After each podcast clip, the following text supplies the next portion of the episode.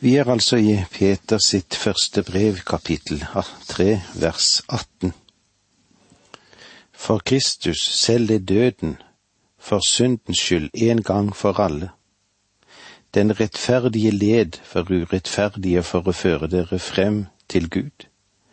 Han døde legemlig, men ved ånden ble han gjort levende.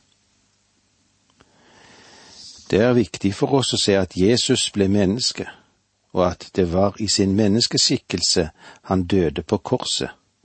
Han døde på korset, og det var Den hellige ånd som vakte han opp fra de døde. For Kristus selv led døden for syndens skyld. Her er fire viktige ting som vi skal ta med oss fra dette verset. Han led en gang for alle, en gang for alle med den avgjørende verdi som dette har for all framtid. Den er en overgang til evighetens herlighet, dette. Og for det andre, han led eller døde for synder, eller egentlig i anledning av synder, for synderes skyld, for å sone dem og rydde dem bort, få dem bort. Han døde slik ikke for sin egen sak, men utelukkende for andres, for din og min skyld, for å fri oss fra syndens skyld og makt og sette oss evig fri. For det tredje led og døde han for en rettferdig, og for så vidt var han uskyldig og uforskyldt. Han måtte ikke dø fordi han hadde personlig synd og skyld, men nettopp derfor kunne han lide og dø til beste for de urettferdige, til evig frelse for syndere. Han kunne gjøre det for oss.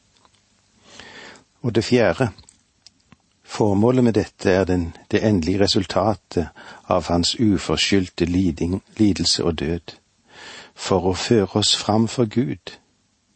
Ved å ta bort syndeskylden fjernet han skilleveggen mellom Gud og oss nå er veien åpen. Kristus kan bringe oss inn i livssamfunn med Gud. Vi, du og jeg, vi har fått bønnens og troens og tjenestens frie adgang til Gud. Alt i alt er dette et mektig vitnesbyrd hva vi skylder Kristi lidelser, og dermed også et inntrengende kall til å følge ham på lidelsens vei. Dette kunne han bare gjøre fordi han ikke bare led døden, men han seiret over den. Det var i kjødet han led døden, men i ånden, i ånden ble han levende gjort. Og i vers 19 her i kapittel 3 leser vi, og slik gikk han bort og forkynte for åndene som var i fangenskap. Dette har vært et ganske misforstått avsnitt i Skriften. Nøkkelordet til avsnittet finner vi i vers 20, i det lille ordet som kommer frem da. Det var de som på Noas tid var ulydige, da Gud i sitt tålmod ventet mens arken ble bygd. I den ble noen få mennesker, i alt åtte, frelst ved vann. Når talte Kristus til ånden i fangenskap? Da Gud i sitt tålmod ventet mens arken ble bygd. På Kristi tid var det ånder av mennesker som Noah hadde forkynt for i fengsel, for de hadde vraket Noah sitt budskap. De var henvist til Sjevål, altså dødsriket. De ventet på dommen de var tapt. Nå kan dette avsnittet ses slik at Kristus gikk ikke bort og forkynte for dem etter at han døde på korset. Han forkynte gjennom Noah. Da Gud i sitt tålmod ventet mens arken ble bygd. I 120 år hadde Noah forkynt Guds ord. Han frelste sin familie, men ingen andre. Det var Kristi ånd som talte gjennom Noah på Noas tid. På Kristi tid på jorden var de som vraket Noas budskap i fengsel. Tanken er at Kristi død betydde ingenting for dem på samme vis som den ikke betyr noe for mange mennesker også i dag. Som et resultat så vil dommen også ramme dem. Vers 21 Det som i sitt motbilde dåpen nå frelser oss. Dåpen er ingen renselse fra ytre urenhet, men en god samvittighetsbekjennelse til Gud i kraft av Jesu Kristi oppstandelse. Det som i sitt motbilde dåpen nå frelser oss. Hvilken dåp henvises det til her? Går vi tilbake i avsnittet, ser vi at dette henviser til Åndens levendegjørende kraft. Så Peter sier her at den rituelle side av dåpen ikke er den egentlige dåp, men det indre som er knyttet til Åndens levendegjørende kraft. Jeg tror på dåpens sakrament, men det er viktig å være klar over å se at det er Den hellige ånds virksomhet som knytter enhver av oss til den levende menighet. Det er ingen renselse fra ytre urenhet. Det skjer ikke bare ved vann, for det vil ikke ta bort kjødets urenhet, men i en god samvittighetsbekjennelse til Gud i kraft av Jesu Kristi oppstandelse. Det vil si en tro på Jesu Kristi oppstandelse som førte Den hellige ånds gjerning inn i ditt og mitt liv og gjenfødte oss. Vers 22 Han som for opp til himmelen og nå sitter ved Guds høyre hånd, etter at engler, myndigheter og makter er ham underlagt. Dette verset taler om den Herre Jesus Kristus. Du og jeg er småsyndere her nede, men vi kan komme til ham, ta imot ham, og på den måten bli knyttet sammen med ham og sammen med de gjenløste. Vi døpes med Den hellige ånd inn i Kristi legeme fordi Han er oppstått fra de døde og er i dag ved Guds høyre hånd. At Kristus er ved Guds høyre hånd, det vil si at han er en levende frelser. Han er delaktig i Guds allmakt, og han er delaktig i Guds verdensstyre. De gamle lutherske lærefedrene sa det på denne måten. Guds høyre hånd er overalt. Det er ikke for mye å si at eh, de første århundrenes kirke grunnet sin rett til å eksistere på den kjensgjerning at Kristus sitter ved Guds høyre hånd. Ved hans ære og allmakt sete i himmelen er engler og makter og krefter underlagt ham. Han, Jesus, disponerer dem og setter dem inn for dette ene formålet å føre menigheten fram til fullendelsen. De er alle tjenende ånder som blir sendt ut for å tjene dem som skal arve frelsen. Disse tre navnene som er viktige for oss å ha med, og i dette perspektiv, engler, makter og krefter. Det omfatter alle englevesener i den himmelske verden. Av de tre uttrykkene er engler de mest vanlige og mest omfattende. Ved siden av dette er det nevnt myndigheter og makter og krefter. Kanskje noe diffust i forhold til englene, men dog hvor viktig det er. Alle himmelske vesener og autoriteter er slik underlagt Kristi kontroll. Ham har all makt i himmel og på jord, og det overgitt til ham. Hans herskerstilling har dermed en verdensomfattende rekkevidde. Og vi som er troende, som er her på jorden, må ofte tåle kanskje vanskeligheter, forfølgelse og forakt og lidelse for hans skyld. Vi behøver da ikke å frykte. Til sist skal vi få lov til å herske med ham i herlighet. Det er noe å se frem til og det er noe å glede seg til. Og det var dette vi kunne ha med oss ifra det tredje kapittelet i første Peters brev, og når vi møtes igjen neste gang, vil vi se på det som finnes i kapittel fire. lidelse skaper lydighet mot Guds vilje. Takk for nå, må Gud være med deg. Dette undervisningsprogrammet består av to deler. Åge Nevland fortsetter nå med andre del av dagens undervisning. Vi er i Peters første brev, og vi er nå kommet til det fjerde kapitlet der, hvor vi vil se litt på lidelse skaper lydighet mot Guds vilje. I dette kapitlet vi nå går inn i, peker Peter på at når livet er enkelt, så er det en fare for at vi kan drive inn i en sinnstilstand som tar imot velsignelser i livet, som om det skulle være Gud som skylder oss noe. Vi vil komme til et punkt der vi ikke verdsetter livet som vi skulle ha gjort. Hvilken verdi setter du på livet ditt, du som er kristen? Gud tillater at hans barn kan lide for å holde dem borte fra synd og gi oss et, en riktig verdi for hva livet egentlig er for noe. Jeg møter mange slags mennesker, både unge og gamle, barn og eldre, som sier at de gjorde dette eller rent for å få en ny retning i livet. For jeg er lov til å si dere at prøvelse vil gi en ny retning i livet. David han oppdaget dette, og eh, ut ifra dette har vi fått Salme 66, og vi siterer fra vers 10. For du har satt oss på prøve, Gud, og renset oss, som de renser sølv.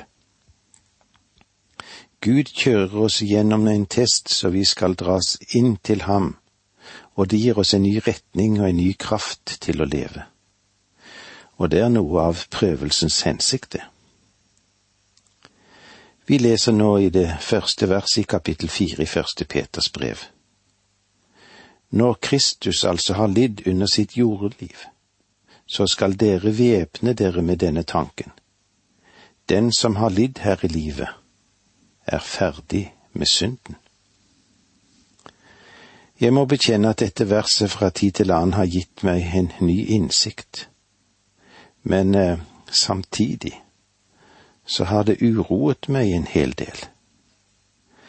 Det har overrasket meg å finne ut at bibellærere har gått raskt over dette verset uten å gi det noen detaljert betydning.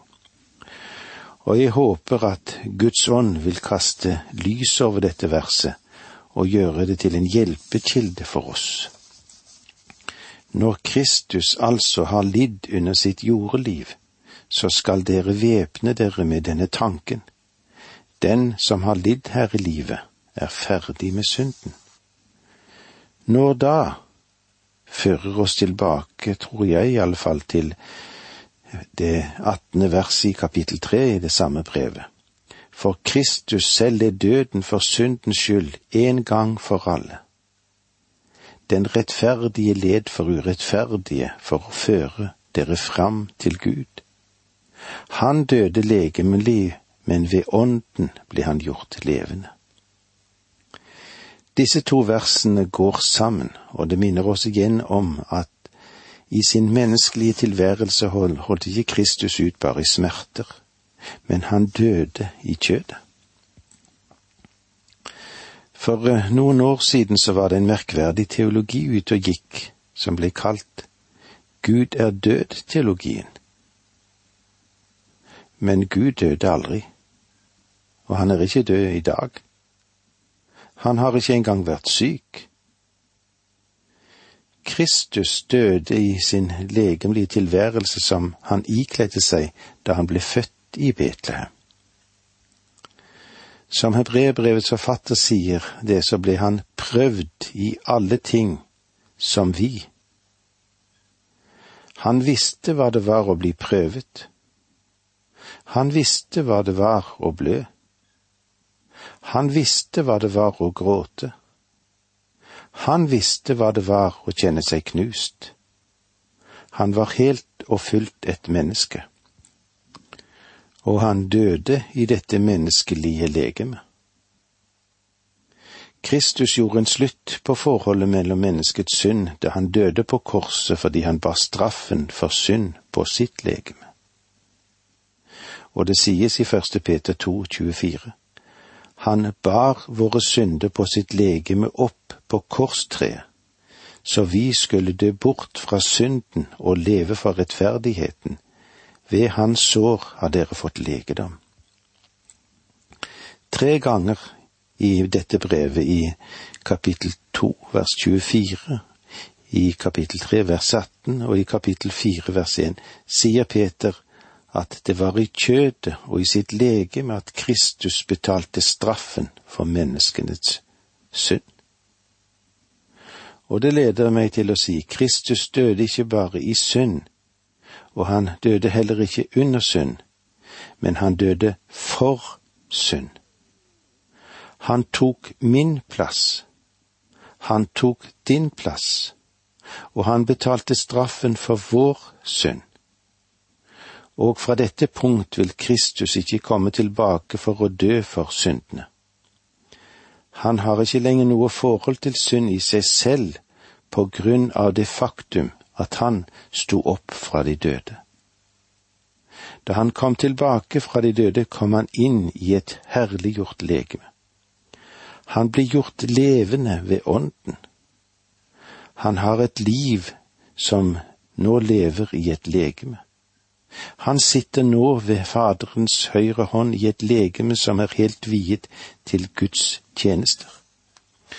Og han er Gud, og han gleder seg over en full og fri adgang til Gud og til alle skapninger. Nå er Kristus i stand til å gi oss del i det samme. Peter sier til oss, dere skal væpne dere med denne tanke. Noen mener at det betyr resolusjon, et vedtak, men det er selve ideen, det. Dette henviser òg til en tanke som vil føre til et vedtak. Det var dette Paulus talte om da han sa i Filippensebrevet 2,5, La dette sinn være i dere, som òg var i Kristus Jesus. Kristus har altså lidd under sitt jordeliv, står det i den nye oversettelsen. Den gamle oversettelsen går tettere inn på dette spørsmålet når den sier da når Kristus har lidd i kjødet. Det Peter sier her, er at Kristus har lidd for oss under sitt jordeliv, og derfor kan vi være ferdige med synden. Det greske ordet som blir oversatt med ferdig, er pau.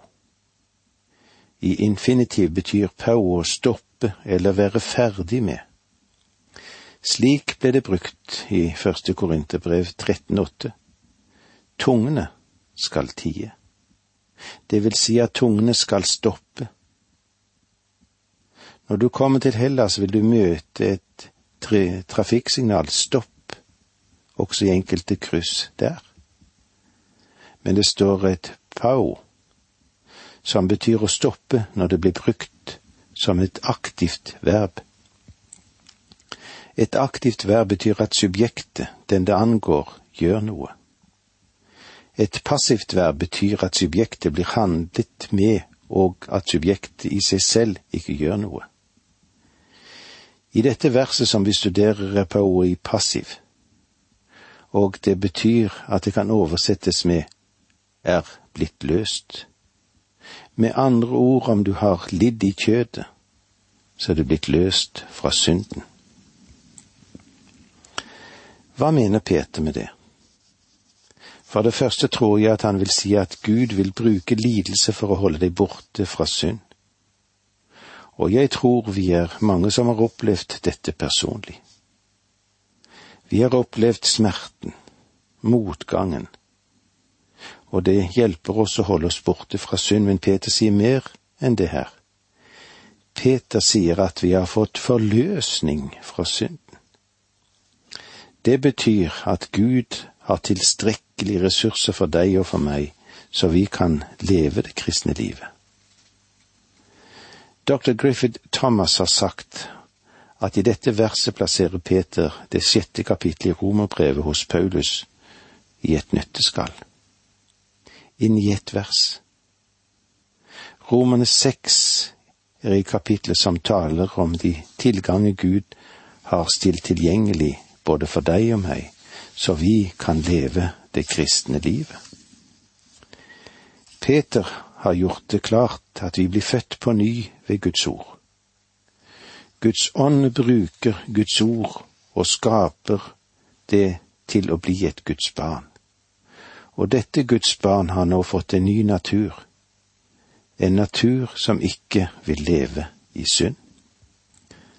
Den bibelillustrasjonen som vi ofte bruker for å understreke denne sannheten, er historien om den fortapte sønnen, slik vi finner den i Lukas 15. Den fortapte sønn som satt i grisebingen. Han var da ingen gris. Han hadde jo farens natur. Han som levde i dette store herskapshuset langt der borte på veien. Og fordi gutten hadde sin fars natur, så likte han ikke å ete av grisetrau mer.